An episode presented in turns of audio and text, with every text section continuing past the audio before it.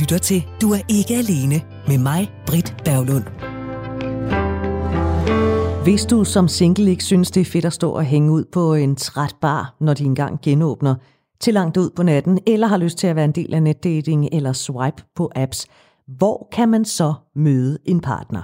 Det er det, vi taler om i denne udgave. Vi ser på alternativerne til dating. Der er mange, der møder deres kommende partner på arbejdspladsen, og man skal ikke nødvendigvis gå af vejen for en fløjt på jobbet, bare man lige tænker sig godt om. Det har erhvervsforsker Jakob Alsted og tidligere kommunikationsdirektør Anne Villemos talt med om indtil nu. Og øh, hørte du ikke hele første time af programmet, så husk, du kan hente det som podcast, der hvor du henter dine podcasts, eller du kan lytte via radio4.dk.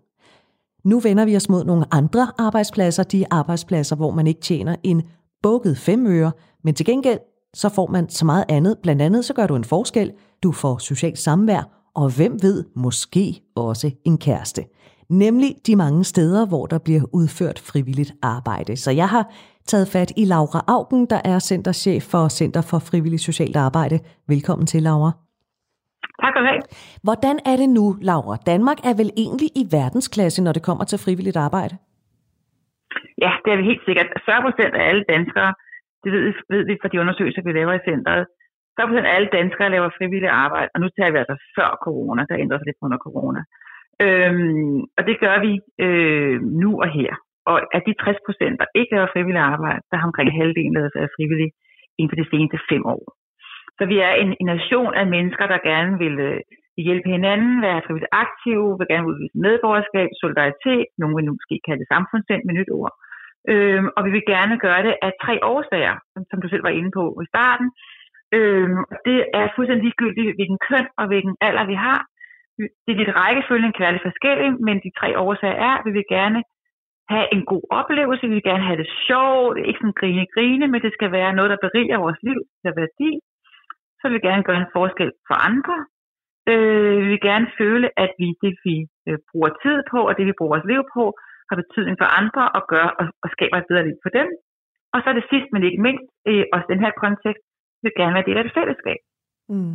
Vi vil gerne være sammen med andre, og det, som vi måske, som kendetegner mange, der laver frivilligt arbejde, øh, og som er meget optaget af fællesskabet, det er, at vi vil gerne være en del af et fællesskab, som ikke har noget med vores arbejdsplads at gøre, eller vores familieliv, måske ikke med vores vennekreds, i snæver forstand. Vi vil gerne have et fællesskab, som er vores eget. Så et lille frirum.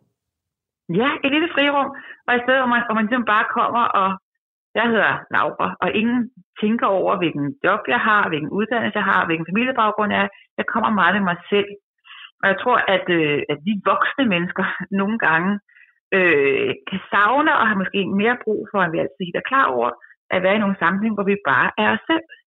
Og ligesom kan genfortælle os selv, og skabe en ramme omkring os selv, som ikke er koblet op på alt muligt andet som man nogle gange godt kan være lidt træt af, at være nogens mor, eller nogens kone, eller nogens veninde, eller nogens søster, nogens datter, nogens kollega. Man er bare sig selv. Og det er det, som det frivillige, øh, det frivillige fællesskab også kan give. Så kan det sandelig give en masse andet, som er centreret omkring selve opgaven, selve aktiviteten, og så følelsen af at skabe noget, og, gøre godt for nogen, der har det svært, øh, at, at opleve, at, øh, at nu er taknemmelige og glade for, at det man, man siger, og det man bruger tid på, at det er sjovt at planlægge en spejderlejr, eller en festival, eller et øh, super på et flygtningscenter, eller helt tredje, det her med, at vi skaber noget, øh, som vi gør inden alene, fordi vi har lyst, og fordi vi synes, det er interessant, og ikke fordi vi skal det, eller fordi vi får løn for det. Og når nu du siger, at der er sådan 40 procent af danskerne, der er involveret i frivilligt arbejde, så kan det her måske godt være et mm. dumt spørgsmål, men kan du overhovedet sige noget om, hvem det typisk er, der tager en chance i frivillighedens navn? Ja, det kan jeg sige. Øh, på landsplan, altså det, det interessante er, at i de senere år er det blevet stort set lige meget mænd og kvinder. For, for år tilbage var det bare havde mænd en overvægt, og det var blandt andet fordi de var meget, øh, fordi idrætsområder fylder meget for mænd. Eller mænd fylder meget idrætsområder, selvfølgelig måden at sige det på. Men nu er kvinderne ligesom også taget det område øh, ind, så, så nu er der stort set ligestillet. Øh, og det er øh, den største gruppe øh, på det område, jeg kender bedst, den sociale frivillighed. Der er den største gruppe, det er kvinder, unge kvinder, unge veluddannede kvinder i storbyerne. Og så er det både mænd og kvinder, men i særklasse kvinder, der er gået på efterløn som er det i så frivillige i foreninger og genbrugsbutikker, og, og de har en meget øh, blandet uddannelsesbaggrund. Øh, og de er, øh, så til på den måde kan man sige, det er, og, og så er de unge laver meget mere frivilligt arbejde, end folk tror, øh, almindeligvis. Øh, ikke så mange timer, men øh, de er det ret hyppigt. Øh, op til fire, fire unge laver frivilligt arbejde, og det er ofte i idrætsforeninger, eller teaterforeninger, eller på festivaler.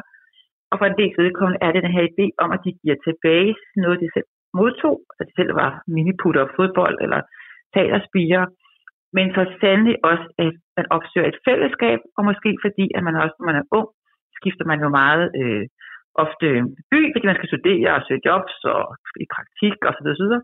Og der kan i frivilligt fællesskab være en måde på, at man møder nogen, og måske får en kæreste. Øh, så der er helt klart øh, en, på den måde, så vil jeg sige, at hvis man interesserer sig i det, på det sociale område, det er et meget bredt på sociale område, så møder man rigtig mange kvinder. her.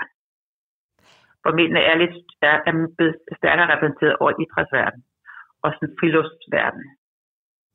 Og nu er det jo ikke sådan, at øh, de her 40 procent af danskerne, de alle sammen laver frivilligt arbejde det samme sted, fordi så ville det jo godt nok være kæmpe rand, der vil være. Men jeg har en idé om, at der i den frivillige verden, der kunne altså godt være en øh, god mulighed, det lufter du også selv her, for at, at man måske kan blive lidt forelsket. I holder jo et skarpt øje på, hvordan det går ude i Frivilligheds Danmark og laver forskellige rapporter og undersøgelser. For eksempel så har jeg læst i jeres seneste frivillige rapport, at frivillige i gennemsnit bruger 15 timer om måneden. Det svarer jo altså til sådan en 3-4 timer om ugen. Men Laura Augen, har I nogensinde undersøgt, hvor mange amoriner, der svæver rundt derude i det frivillige Danmark? Nej, det har vi ikke. Det har vi ikke. Men, øh, men jeg er helt sikker på, at der er mange. Øh, og jeg har lige spurgt lidt rundt, øh, inden jeg, da du ringer og sagde, med her. Og, jeg har, øh, og de siger alle sammen, at det kan jeg roligt sige, at det der er masser af. øh, der er masser af amoriner derude. Øh, så, og, og det, øh, øh, og det gælder i alle aldre, tror jeg faktisk, man vil sige. Øh, der er mange, rigtig, rigtig mange unge, eller rigtig mange, har mødt hinanden i en foreningsaktivitet eller frivillig aktivitet, måske nærmest glemt det. Og nærmest glemt, at vi mødte hinanden, da vi var unge, i en spejderlejr, eller en partiforening, eller på en festival, eller øh, en teaterklub, eller en anden. De har nærmest glemt det, der vi mødte hinanden, fordi de bare ved det at fortælle.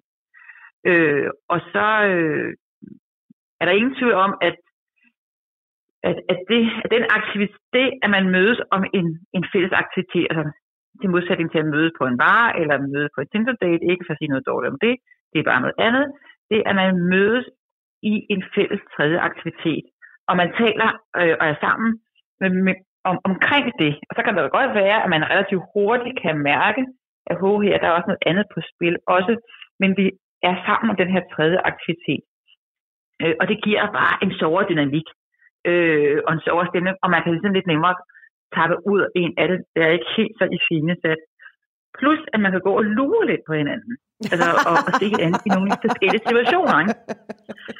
Altså, altså, så det er ikke, altså, man, altså, og det er lidt ligesom det, man siger inden for sit fag journalistikken, don't tell it, show it. Altså, hvis han siger, at jeg er enormt stød og enormt god til at planlægge og til at lave mad, og så ser man ham i aktion stå på en spejderlejr at lave øh, et tons chili con carne med stor smil og stor overskud, så tænker man, jeg køber den, jeg tror på det. det kan øh, også noget, ja. det kan nemlig rigtig, rigtig meget noget. Øh, og så er det også sådan, altså, øh, har jeg gået og tænkt på en af vores øh, danske sangskabs største sange, jo Mona, Mona, Mona. Det handler jo om Jesper og Mona, der sidder omkring lejrbålet øh, i den finske skovsø og gitaren og så videre. Ikke? Øh, har vi ikke alle sammen den drøm et eller andet sted om at sidde hen over et bål, øh, og kigge på en, man synes er dejlig, og ligesom mærke, at det er gensidigt. Er det egentlig virkelig ikke noget af det mest romantiske, man kan forestille sig? Og det kan man jo også gøre, når man er voksen på en spartalejr. Man sidder som voksen øh, frivillig, øh, og, øh, øh, enten spejderleder, eller har meldt sig alene til, til at bygge sådan en kæmpe spejderlejr. Så sidder der pludselig en eller anden dejlig person på den anden side af bålet, og så bliver der nok en anden stemning end hen over en bardisk eller ja. endnu en god tur rundt om søerne. Ja, altså man kan jo hurtigt forestille, at man kan blive grebet af stemningen, når man sidder der. Man, man, er, man er lige svedig, man har lige meget sod i ansigtet, og man lugter ja, lige grimt. Og så, øh, ja. og så sidder man ja. der og tænker, han eller hun er da meget dejlig. Ja, ja. Og også, altså Britt, altså hvem er os, vi i virkeligheden ikke, altså måske særligt os, der ikke længere er fuldstændig øh, hovfru slanke. Hov, er det, vi egentlig ikke helt skulle... Nå, men altså, det er bare, nu er det jo radio, ikke? Så det kan vi ikke sige, at når jeg leger med, du har ret, du har ret. Vi vil egentlig ikke helst skores i et par gummistøvler med halvulet hår, øh, end vi skores på, på høje hæle og en meget, meget stram toilettur, fordi vi ved godt, at gummistøvler og det ulede hår, det er jo det trods alt mest autentiske. Det er den, den der holder længst. Ja, det har du ret i. Øh, og der sker sgu nogle ting her, som... Øh, altså, vi, der er ligesom nogle... Plus, at, at i det frivillige arbejde, der oplever vi også mennesker, der brænder for noget, der har der er optaget af noget. Og der er jo ikke... Altså, personligt vil jeg altså sige, at noget af det, som virkelig... Som jeg virkelig tænder på hos en anden mand i mit tilfælde, det er jo et engagement. Ja. Det, man er i øjnene, man brænder for noget. Øh, og, det, øh, og måske er det, det er så sjovt, at nogen er lidt nørdet med noget, bare man også ved, der er meget andet. Det her med, at, at folk er engageret i noget, optaget i noget, og omsætter det til noget, de gør til handling. Det er da enormt attraktivt. Det er mega sexet. Øh, ja, det er da mega sexet. Øh, og det er også det, man tror, man, at man skaber venner, men øh, det er da mega sexet, og det synes jeg, man er sjovt. Og så er der en masse muligheder i det frivillige arbejde, for at man kan øh, øh, komme ind via nogle kompetencer, man måske ikke har i spil i sit arbejdsliv. Øh, det kan være bestyrelser, det kan være kasserarbejde, det kan være planlægning, det kan være køre ud med mad, det kan være lave mad. Der er så mange forskellige øh, evner, man kan, at man kan sætte i spil, som man jo også kan få noget energi og glæde af at øh, bruge, og måske er savnet, man ikke, fordi man ikke har mulighed for at bruge det i sit arbejdsliv, og så kan man få glæde og energi ud af det og få stjerner i øjnene af at øh, sætte det i spil. Og det er jo også appellerende for andre. Mm. Øh, der er også energi i det. Øh, og så er der jo i det frivillige arbejde en masse mellemrum. Altså inden møde, efter møde, på vej til møde, Ah. kaffen, øh, hvor, man, hvor de her flørte situationer øh, måske lidt sjovere kan opstå. ikke? Jo, Altså man går sådan lidt frem og tilbage, fordi man har det her fælles tredje, ja. øh, som man så kan shoppe lidt frem og tilbage om. Øh, så, og så øh, sådan en helt særlig sjov vinkel, det er, at øh, hvis man kigger ud over vores folketing, for eksempel, så Ja. vil man vide, at rigtig mange af dem, der er par, politikere, politikerpar, eller har været det, de har mødt hinanden i partiforeningerne. Øh, og det er jo også frivilligt arbejde. Øh, så det er jo ikke fordi, at der er, det er jo virkelig meget, ret meget udbredt. Det er måske mere de unge, der møder hinanden i, i ungdomspolitisk øh, arbejde, men, men der er utrolig mange, som møder hinanden af den vej. Øh, så det vil jeg virkelig mene, at der var noget god potentiale i. Mm. Og så vil jeg sådan sige, at hvis man så skulle, at det så ikke skulle ende med, at man får en kæreste, så vil jeg nærmest love, at man får en energiskabende oplevelse, som måske er lidt sjovere at fortælle om, næste gang man mødes med en Tinder-date. Men, og Laura, Man selvfølgelig, altså, selvfølgelig skal man jo arbejde frivilligt, fordi man har lyst til at arbejde frivilligt. Men gør det Mhm. noget? Gør det noget, hvis man også tænker, hey, det kunne da også være, at hvis jeg nu meldte mig til at arbejde her, så kunne jeg måske også øh, så kunne jeg finde en, der havde samme interesse som mig, hvis jeg melder mig. Nej. Det tror jeg overhovedet ikke, det vil gøre noget. Øh, man skal nok, altså man skal nok helt, man skal gøre det, fordi man, man, har, man brænder for fællesskabet og sagen og målgruppen og kontekst. Fordi ellers bliver det for, for mærkeligt for sent. Ja. Og det vil de andre blive gennemskue ud, og det bliver ligesom, altså det, det kan jeg tror jeg nærmest kan have den modsatte effekt. Men, men det tror jeg ikke, det, det tror jeg da godt, man må, man må sige til sig selv, at det, at det også, øh, og folk tager også på højskole i høj grad øh, med den formål. Og det er jo igen det her med, at man er sammen med andre, og man har nogle fælles aktiviteter, og man har fællesskab, og vi står ikke ligesom i den her øh, meget iscenesatte sammenhæng, som Tinder og en bar kan, kan, kan skabe nogle gange i hvert fald. Øh, så det synes jeg helt klart, man kan gøre. Og så synes jeg også det, her, som jeg sagde, selvom man måske ikke lige øh, får en kæreste, så har man noget interessant at fortælle om, når man mødes på en eller anden date, hvis det er det, man gør. Øh, altså jeg kan ikke simpelthen ikke forestille mig, at det ikke er, er interessant for en, en, øh, en, en, man er på date med, at, at man sidder med ild i øjnene og fortæller engageret om sit frivillige øh, engagement og sit frivillige arbejde. Jeg kan simpelthen ikke forestille mig, at det ikke opleves øh, interessant, og måske i virkeligheden meget sexet, som du selv siger. Mm. Og, og hvis øh, Øh. modtagerne af historien ikke synes, den er interessant, så tror jeg måske ikke, det er den, man skal satse på. Altså, det er Det har du faktisk ret i. Det er jo faktisk en meget god test, ikke? Fordi der er faktisk meget god test. Hvis personen siger, jeg fatter ikke, du gider bruge tid på frivillig arbejde over i en lektiecafé, eller, eller gider sådan noget, øh, øh, idrætsbestyrelse. Det er sindssygt. Så tænker man, okay, så fik vi sgu det på, på det rene, ikke? Jo. Så, på, så har vi dem, så har vi dem værdikalibreret ret hurtigt, og så behøver vi måske ikke snakke så meget sammen. Mm. Øhm, så, så nej, det tror jeg sgu, at, øh, at der er god potentiale i. Og så kan du selvfølgelig sige, hvor. Det er jo så det næste, ikke? Øh, og der er der jo mange muligheder, hvis man har børn. Øh, hvis ens børn er aktive i en anden sammenhæng. Og nogle gange bliver folk jo ved med at være i en forening, selvom deres børn for lang tid siden er tappet ud af den. Altså jeg kender en, der er altså bestyrelsen i en, i en svømmeforening øh, i provinsen, og hendes børn er langt forbi at have svømmet. Men hun har bare fået et super dejligt fællesskab der, og har nogle af hendes aller, allerbedste venner øh, til den bestyrelse, og det giver nogle meget mening for hende. Og sørger med dig, hun blev skilt. Så var der en fra bestyrelsen. Nej. En veninde derfra, som sagde, ved du hvad, øh, jeg har fødselsdag, og vil du ikke komme? Og hun tænkte, mm, mm, og ganske rigtigt, det var en lille smule sæt op i forhold til, at hun skulle mødes veninden skal der. og de er faktisk, og de er kærester i dag og bor sammen. Øh, så det har også blevet med et netværk, ikke? Øh, et netværk, og hende her veninde, at hende her bestyrelsesveninde fra svømmeklubben, hun havde jo luret hende her, jeg kender. Og så, så, så, så det match var jo godt set, fordi hun godt kendte hende gennem 10 års bestyrelsesarbejde. Øh, og måske så hun hende nemlig som personen, og ikke som nogens mor og nogens kollega. Og derfor kunne hun faktisk se et rigtig godt mulighed for match her. Øh, så, så øh, det vil jeg tro, at, at, at, at, øh, at der er jo, og så er der jo rigtig mange, der har hørt, der begynder at melde sig som frivillige til de store festivaler. Nu bliver der ikke nogen i år. Men øh, også nogen, der ikke er øh, 20 år, som jeg var, da jeg var frivillig på Roskilde. Fordi der er øh, begyndt at være nogle voksne fællesskaber omkring de her festivaler, som også opstår sjove ting ud af det.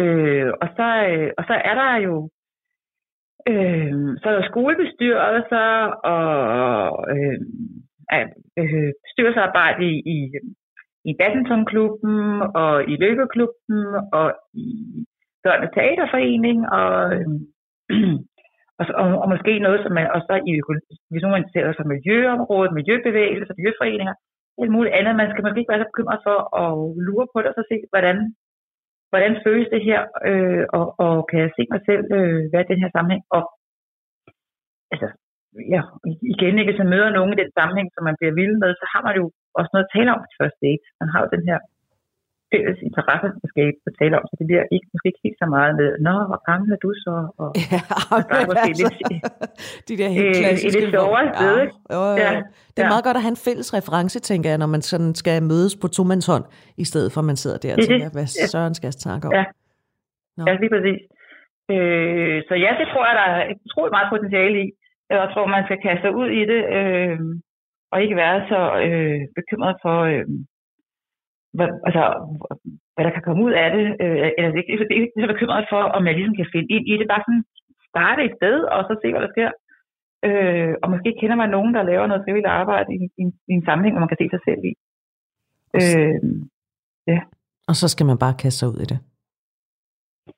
Ja, og fordi hvis man ikke lige møder en kæreste der, så har man en god oplevelse at snakke om, hvis man skal bare på date. Ja. Det er lidt sjovere, end hvor gammel er du, og hvor langt har du boet i den her by. Altså jeg vil sige, jeg vil være stolt over, hvis jeg kunne møde op til en date og så sige, at jeg har været med til at samle en spejderhytte. Det vil jeg, det vil jeg skulle være lidt stolt af.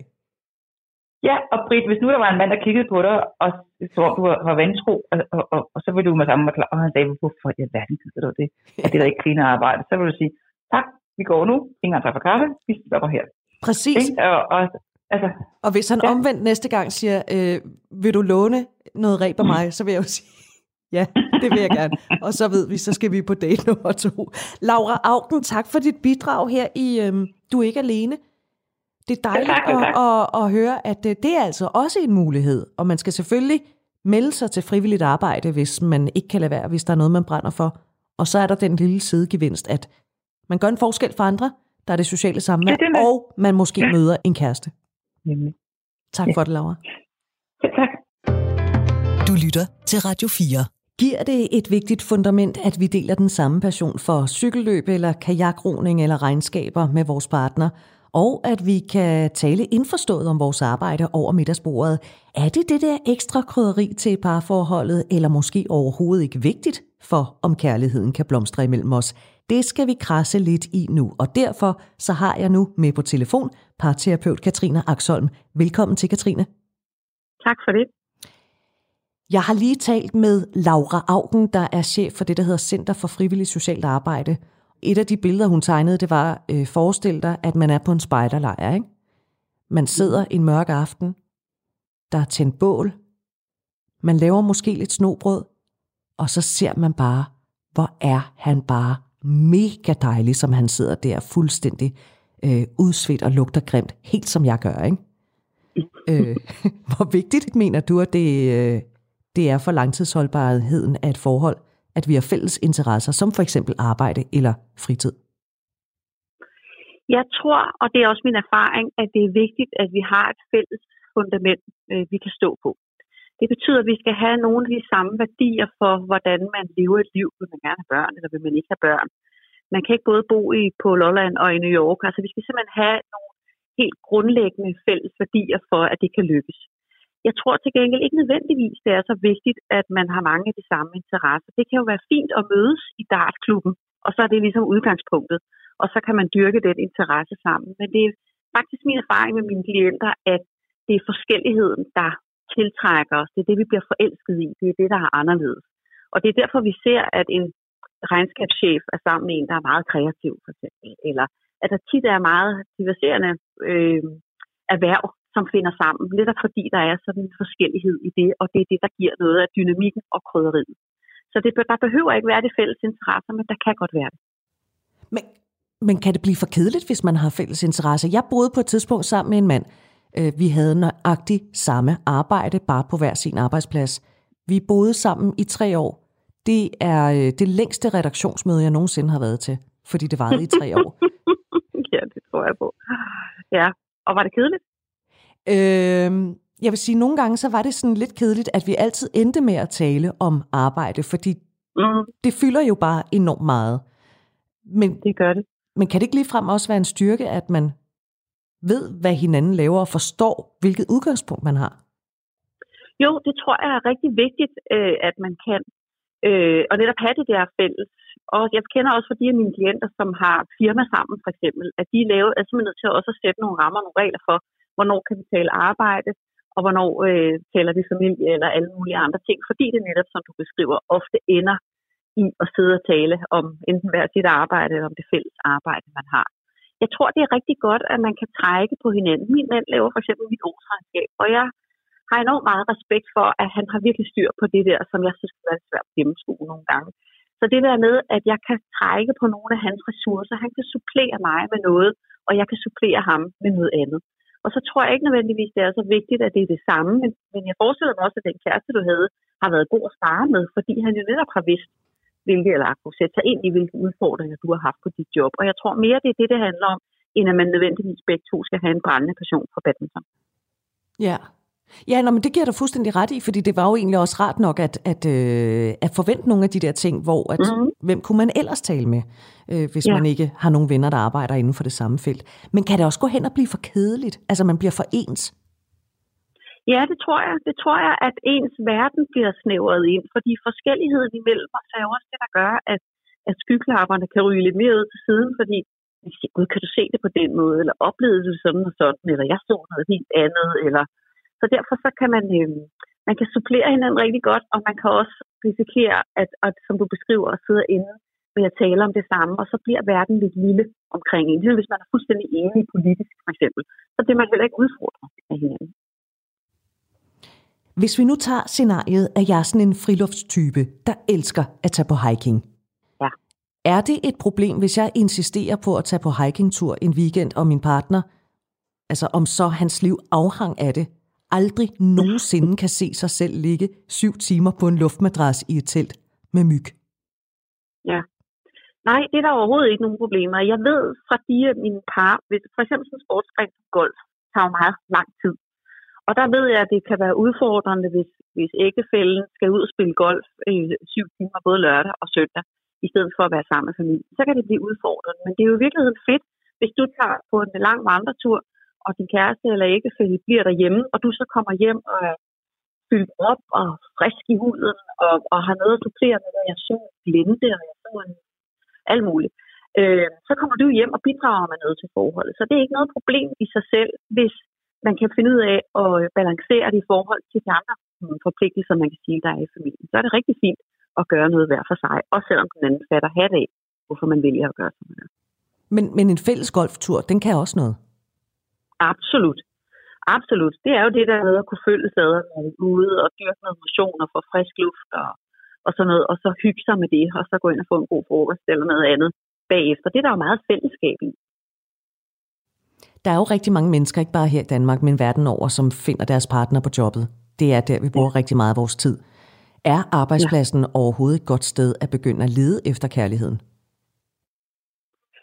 Det er jo, som du siger, øh, det er der, vi møder dem, fordi det er der, vi bruger rigtig meget tid. Øh, hvis vi nu brugte 8 timer nede i fitnesscenteret, så ville der også være større sandsynlighed for, at vi fandt nogen dernede, kan man sige, eller et andet sted.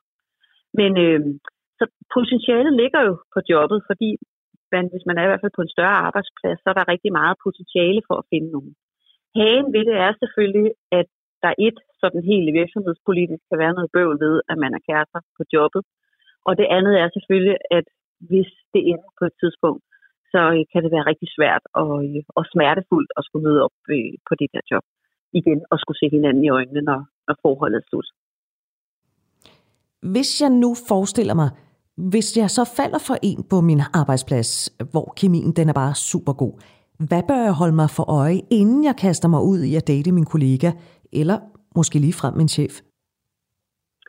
Altså, i forhold til sådan en øh, chef-medarbejder-konstellation er det svært, fordi man er ulige i magtforhold. Øh, og det betyder, at hvis der ryger noget som helst bøvl på øh, undervejs i det der forhold, så vil det højst sandsynligt være dig som medarbejder, der ryger mere end chef. Sådan vil det oftest være i hvert fald. Men det vigtige er i virkeligheden at kunne tale om rammerne for, at vi gør det her. Altså kunne tale de der forskellige scenarier igennem. Øhm, er du klar til, at vi melder ud, at vi er kærester, eller har du brug for at vente, eller kan, er det okay at følges på arbejde om morgenen, eller er det bedre? Altså alle de der ting skal man kunne tale meget åbent om, så man ikke tager for givet, at vi er enige om, hvordan vi gebærer os i det her. Ofte er den ene jo lidt mere privat end den anden.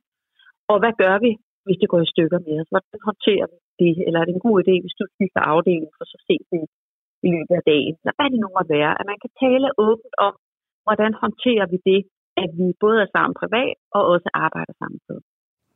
Jeg talte tidligere med Anne Vilmos, der har en øh, fortid på direktionsgangen i et stort dansk firma. Hun sagde, at som chef, så kan man hverken være venner eller kæreste med nogen, man kan hyre og fyre. Er du enig i det? Jeg synes i hvert fald, det er et godt øh, moralkodex at have. Øh, samtidig synes jeg også selvfølgelig som parterapeut, at kærligheden skal have lov at leve, hvor den nu lever. Øh, og min egen mor har været gift med sin, det der var hendes chef i mange, mange år, har hun været gift med i 30 år, tror jeg, eller sådan noget.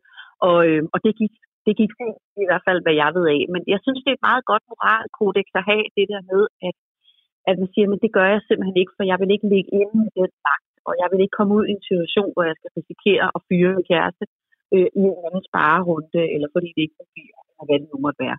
Så det er jo også en måde som chef at beskytte sig selv på ikke at skulle derud, hvor, der kunne, hvor det kan blive rigtig ubehageligt. Ikke? Mm.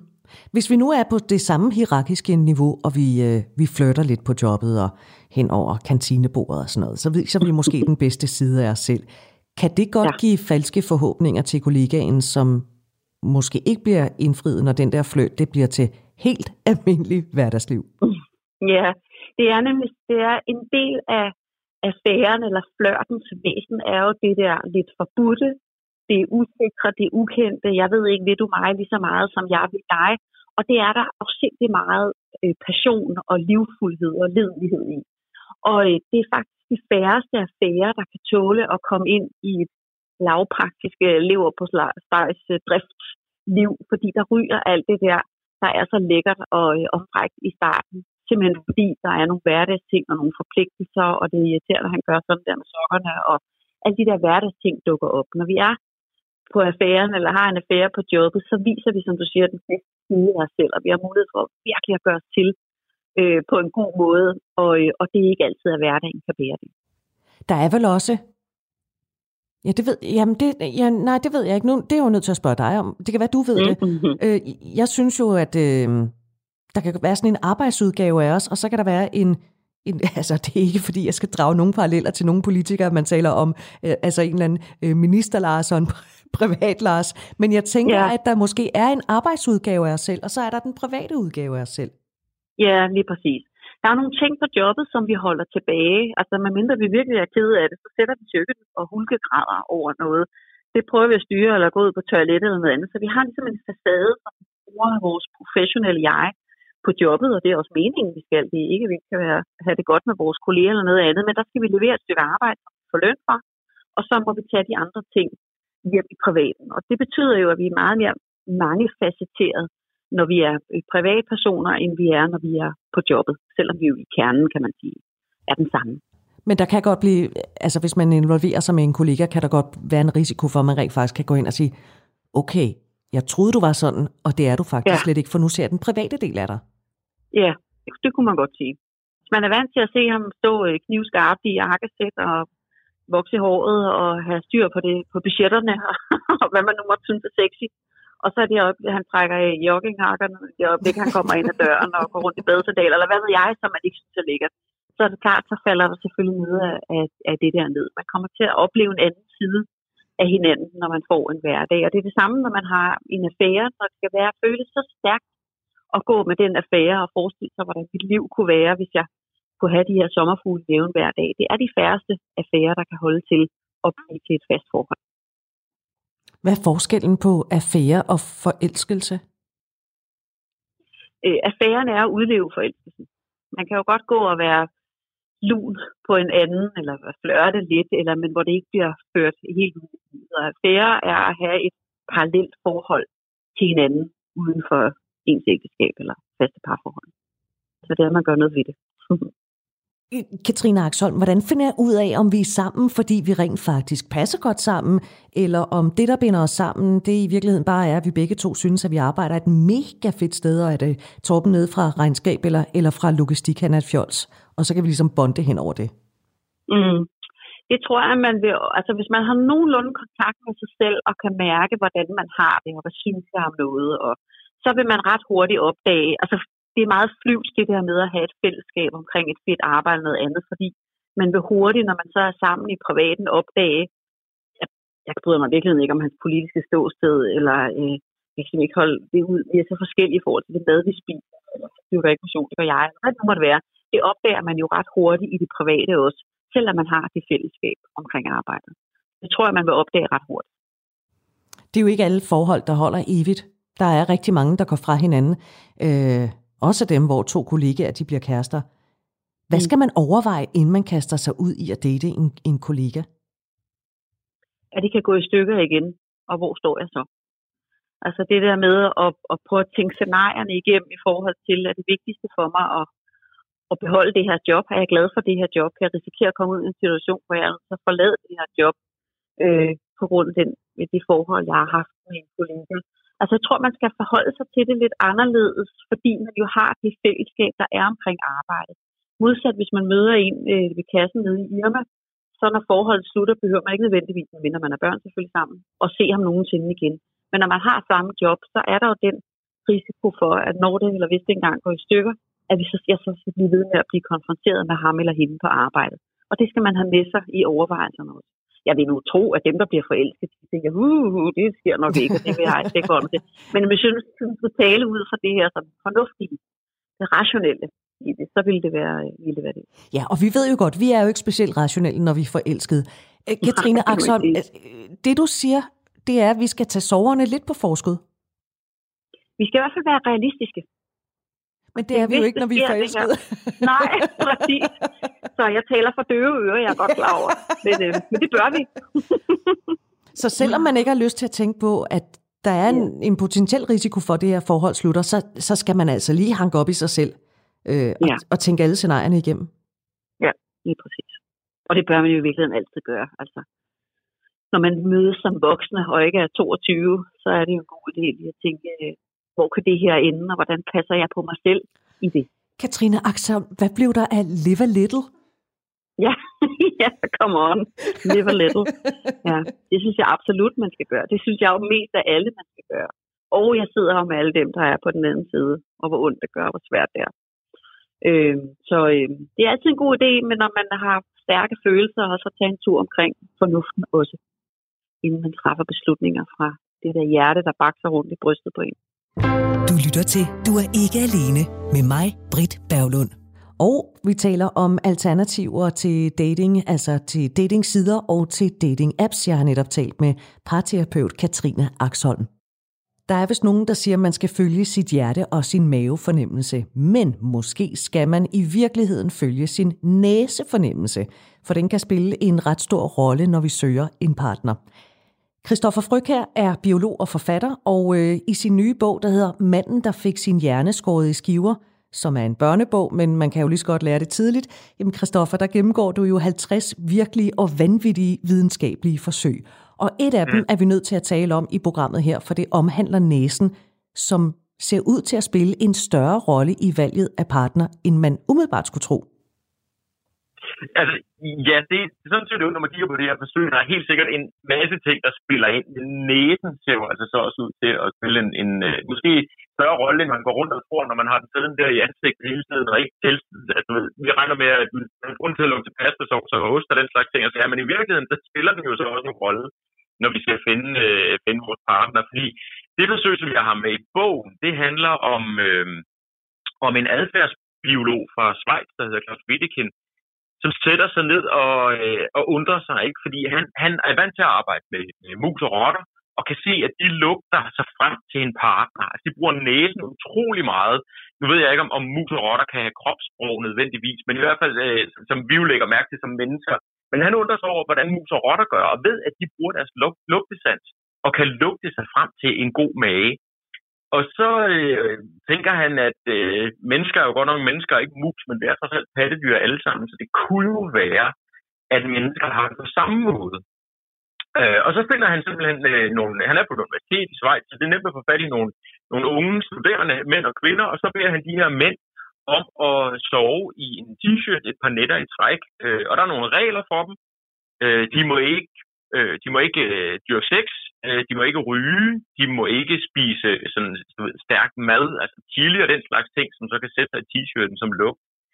Og så, øh, så må de ikke bruge deodorant, de må ikke vaske sig. Øh, så den her t-shirt skal kort sagt lugte rigtig, rigtig godt og grundigt af dem. Og de, når de gjort det et par nætter i træk, så putter de den i, i en pose eller en plastikæske, Øhm, og så kommer, bliver det kvindernes tur, og de skal så lugte til de her forskellige t-shirts og, øhm, og sige, hvor, hvor godt de synes om lugt. Øh, og der, der skal de så stille de her kasser, der er seks æsker, de skal lukke til, og så skal de stille æskerne i den rækkefølge, som de synes lugter bedst fra den ene side til den anden. Og Claus Wedekind her, som forskeren hedder, han, øh, han er jo super spændt på det her. Inden han gik i gang, så har han testet deres immunforsvar. Fordi det, der ligesom er ideen, det er, at øh, det er egentlig ens, altså at kvinderne i virkeligheden, eller hundmusene, det er jo det, han kender til, men i det her forsøg, at, øh, at øh, kvinderne kan lukke sig frem til den genetiske sammensætning af mændenes immunforsvar. Hvis man en dag får børn sammen, så skal de jo overleve for enhver pris. Og der skal man helst have et rigtig godt immunforsvar til sine børn, og det skal man jo allerede sørge for tidligt som kvinde, altså allerede når man finder sin partner. Og derfor er det godt at finde en med et immunforsvar, der er noget forskelligt fra ens eget. Fordi hvis det får og meget magen til, jamen så bliver, de, øh, så bliver børnene, så får de ligesom for små sygdomme, de kan beskytte sig imod. Så det skal være lidt forskelligt fra ens eget.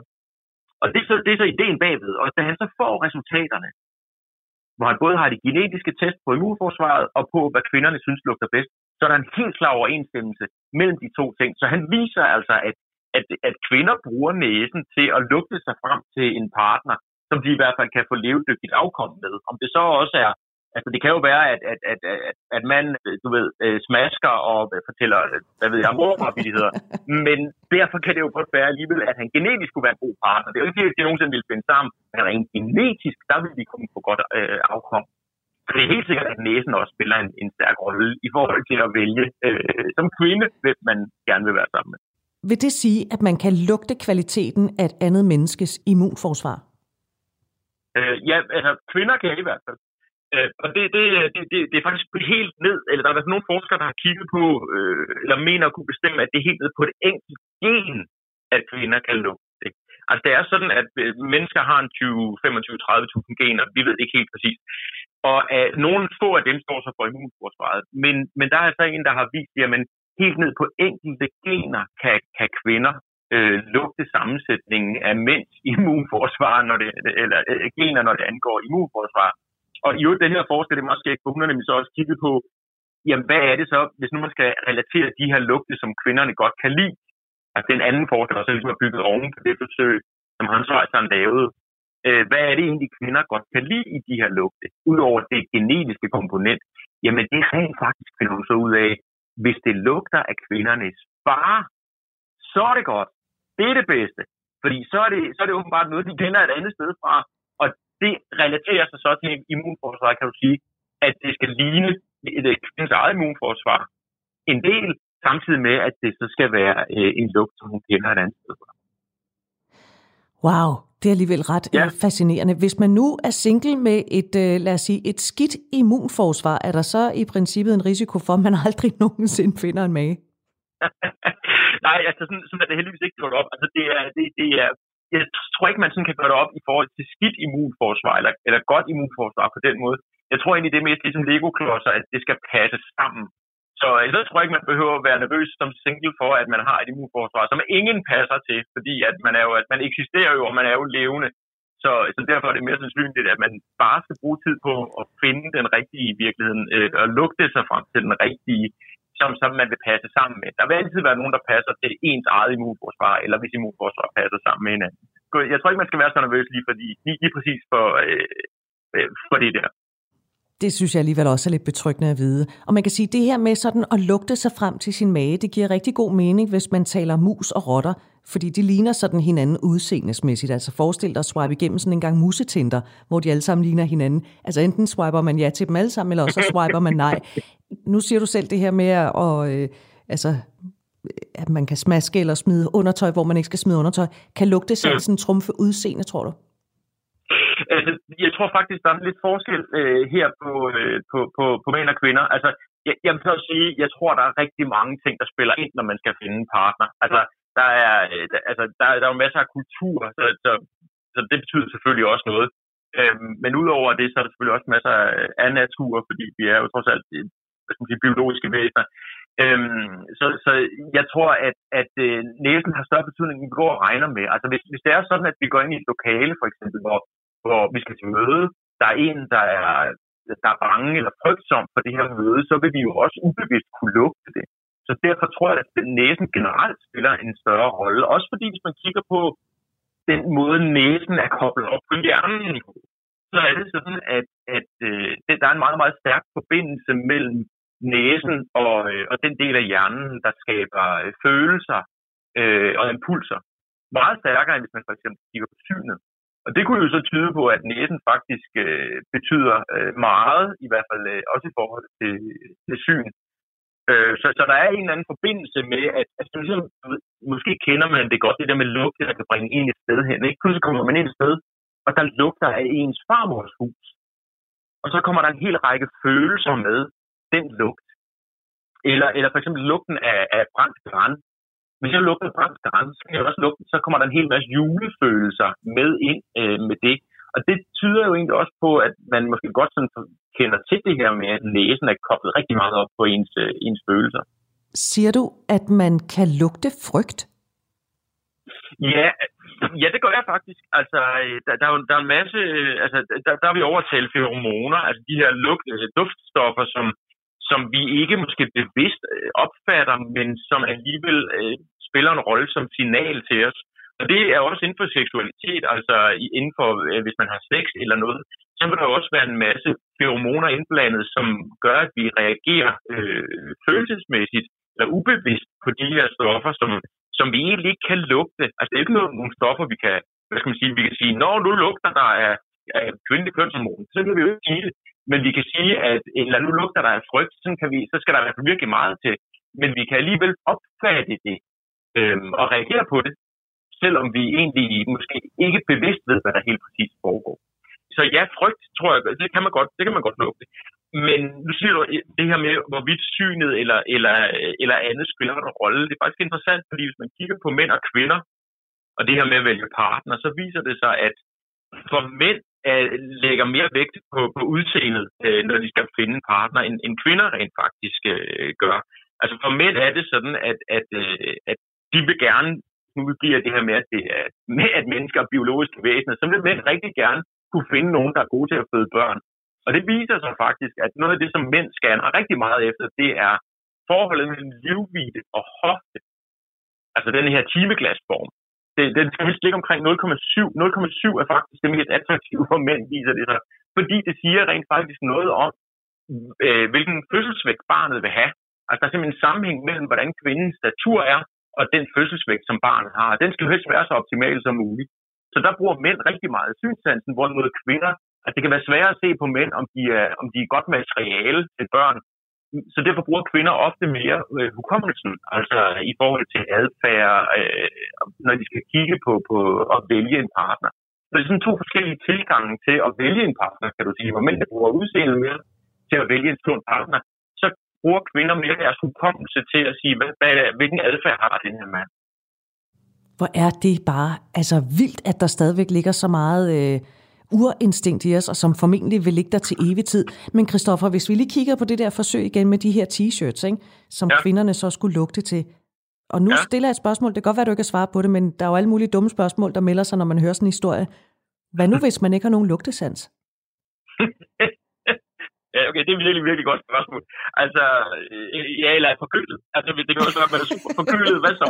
Altså, øh, og det, jeg vil sige, jeg har ikke set noget, nogen videnskabelige forsøg med forkølede kvinder, der skulle lugte til t-shirts.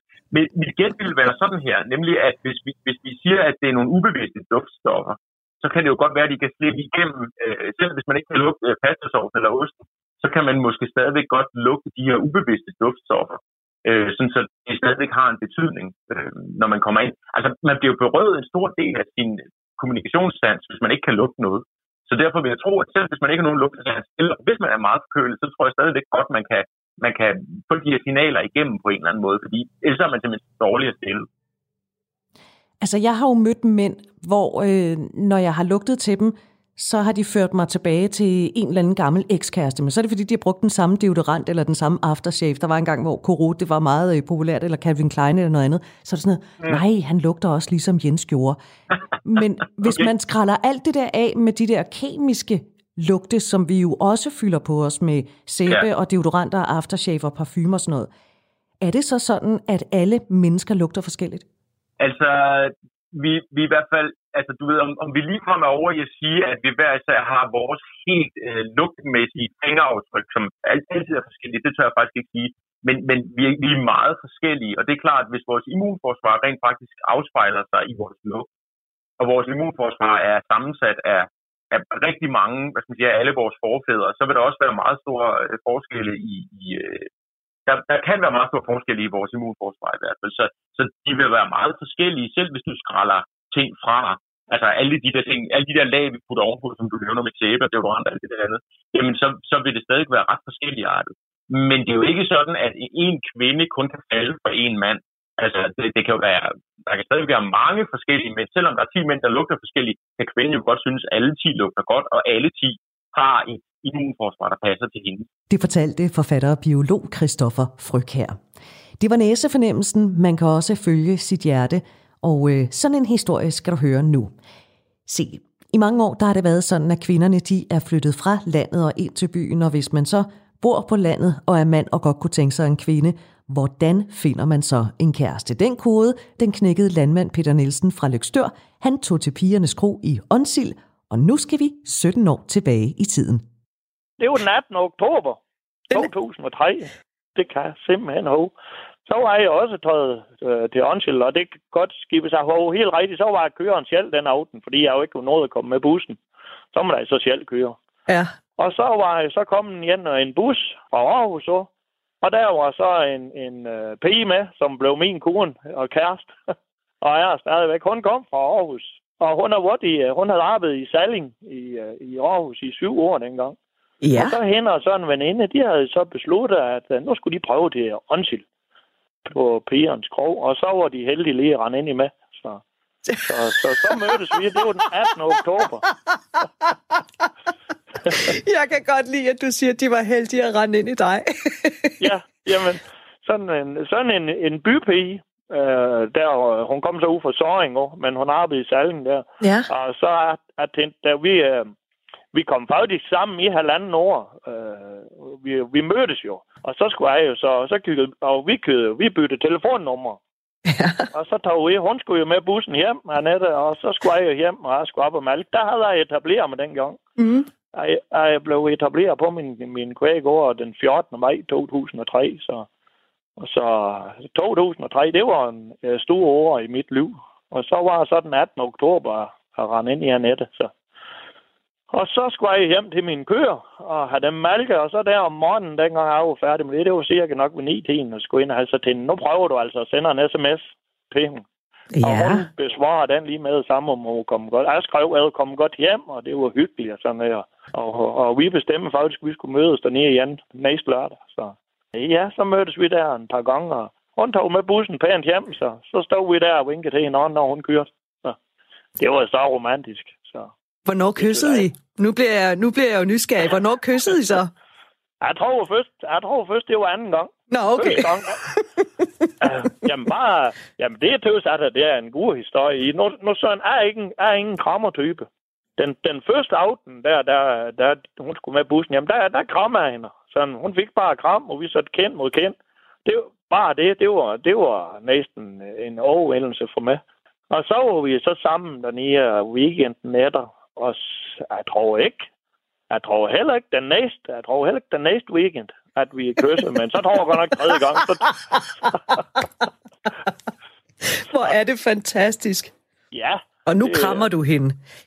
ja, det kan du tro. Det gør jeg, det gør jeg næsten hver dag. Og, og, og nu når at, uh, jeg kommer ind, og, og hvor er ude, der er koldt og sådan noget, og halvkoldt, så kommer jeg ind. Uh, her sagde jeg, så der er krampe af i dag.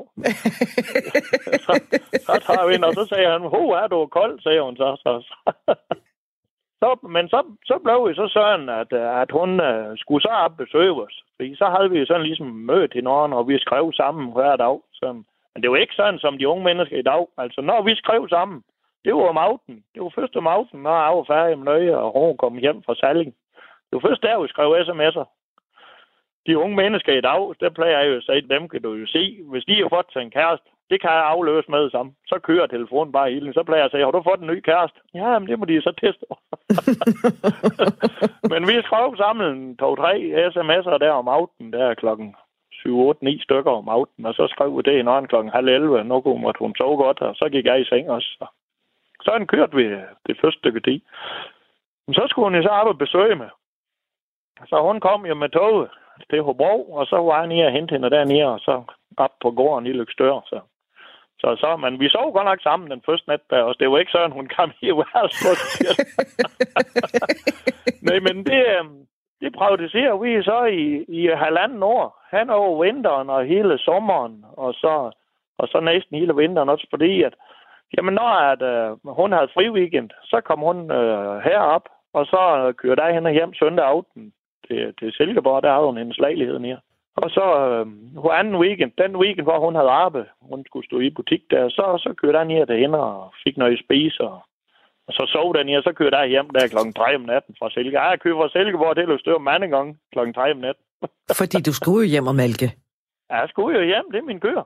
Men I holder stadigvæk sammen den dag i dag. Det gør vi. Og Ja. ja. så, men så for at få lidt... Ah, det, det var også altså, så tænkte jeg havde gået og tænkt, hun skulle være med. Sådan en, en pige inden fra Stenborg, jeg, kunne, jeg kan jo også det kende dem. Så den, hun skulle være med hele sæsonen. Altså fra vi begyndte at købe gylde om foråret, til vi havde det sidste købe i oktober og høst og travle dag. Så der var sådan til nogle weekender, så er det desværre at komme, fordi vi er travlt. Så hun bestod prøven, så der er der en halvanden års tid, så jeg det. Så spurgte hun, om ikke hun kunne tænke sig at flytte op. Det havde hun faktisk ventet på over halv år, om ikke Nå. bare spurgt. Ja, det var dejligt. Så og vi er sammen den dag i dag, og vi har en, en datter på, på lige knap 13 år. Og jeg har så ham den dreng på, på 23. Så. Så vi kan konstatere, at det der pigernes gro i åndsild, det virker. Altså, det gjorde det i hvert fald dengang. Jamen, det gør også endnu. Ja. Men jeg mener, de der bus, busserne, de kører ikke så meget, som de gjorde dengang. Det er ikke slet så stort. Det kan godt ske i internettet, det har snuppet nogen, men så, og dating, de forskellige dating siger og sådan noget. Men, og der er stadig masser af gæster dernede. Den historie, den fortalte Peter Nielsen i en tidligere udsendelse. Derfor var lyden lige lidt anderledes. Vi skal til at lukke ned for i aften. Tak fordi du har lyttet med. Husk mailadressen ikke alene radio4.dk ikke alene radio4.dk Programmet er produceret af Pibesovs Productions for Radio 4.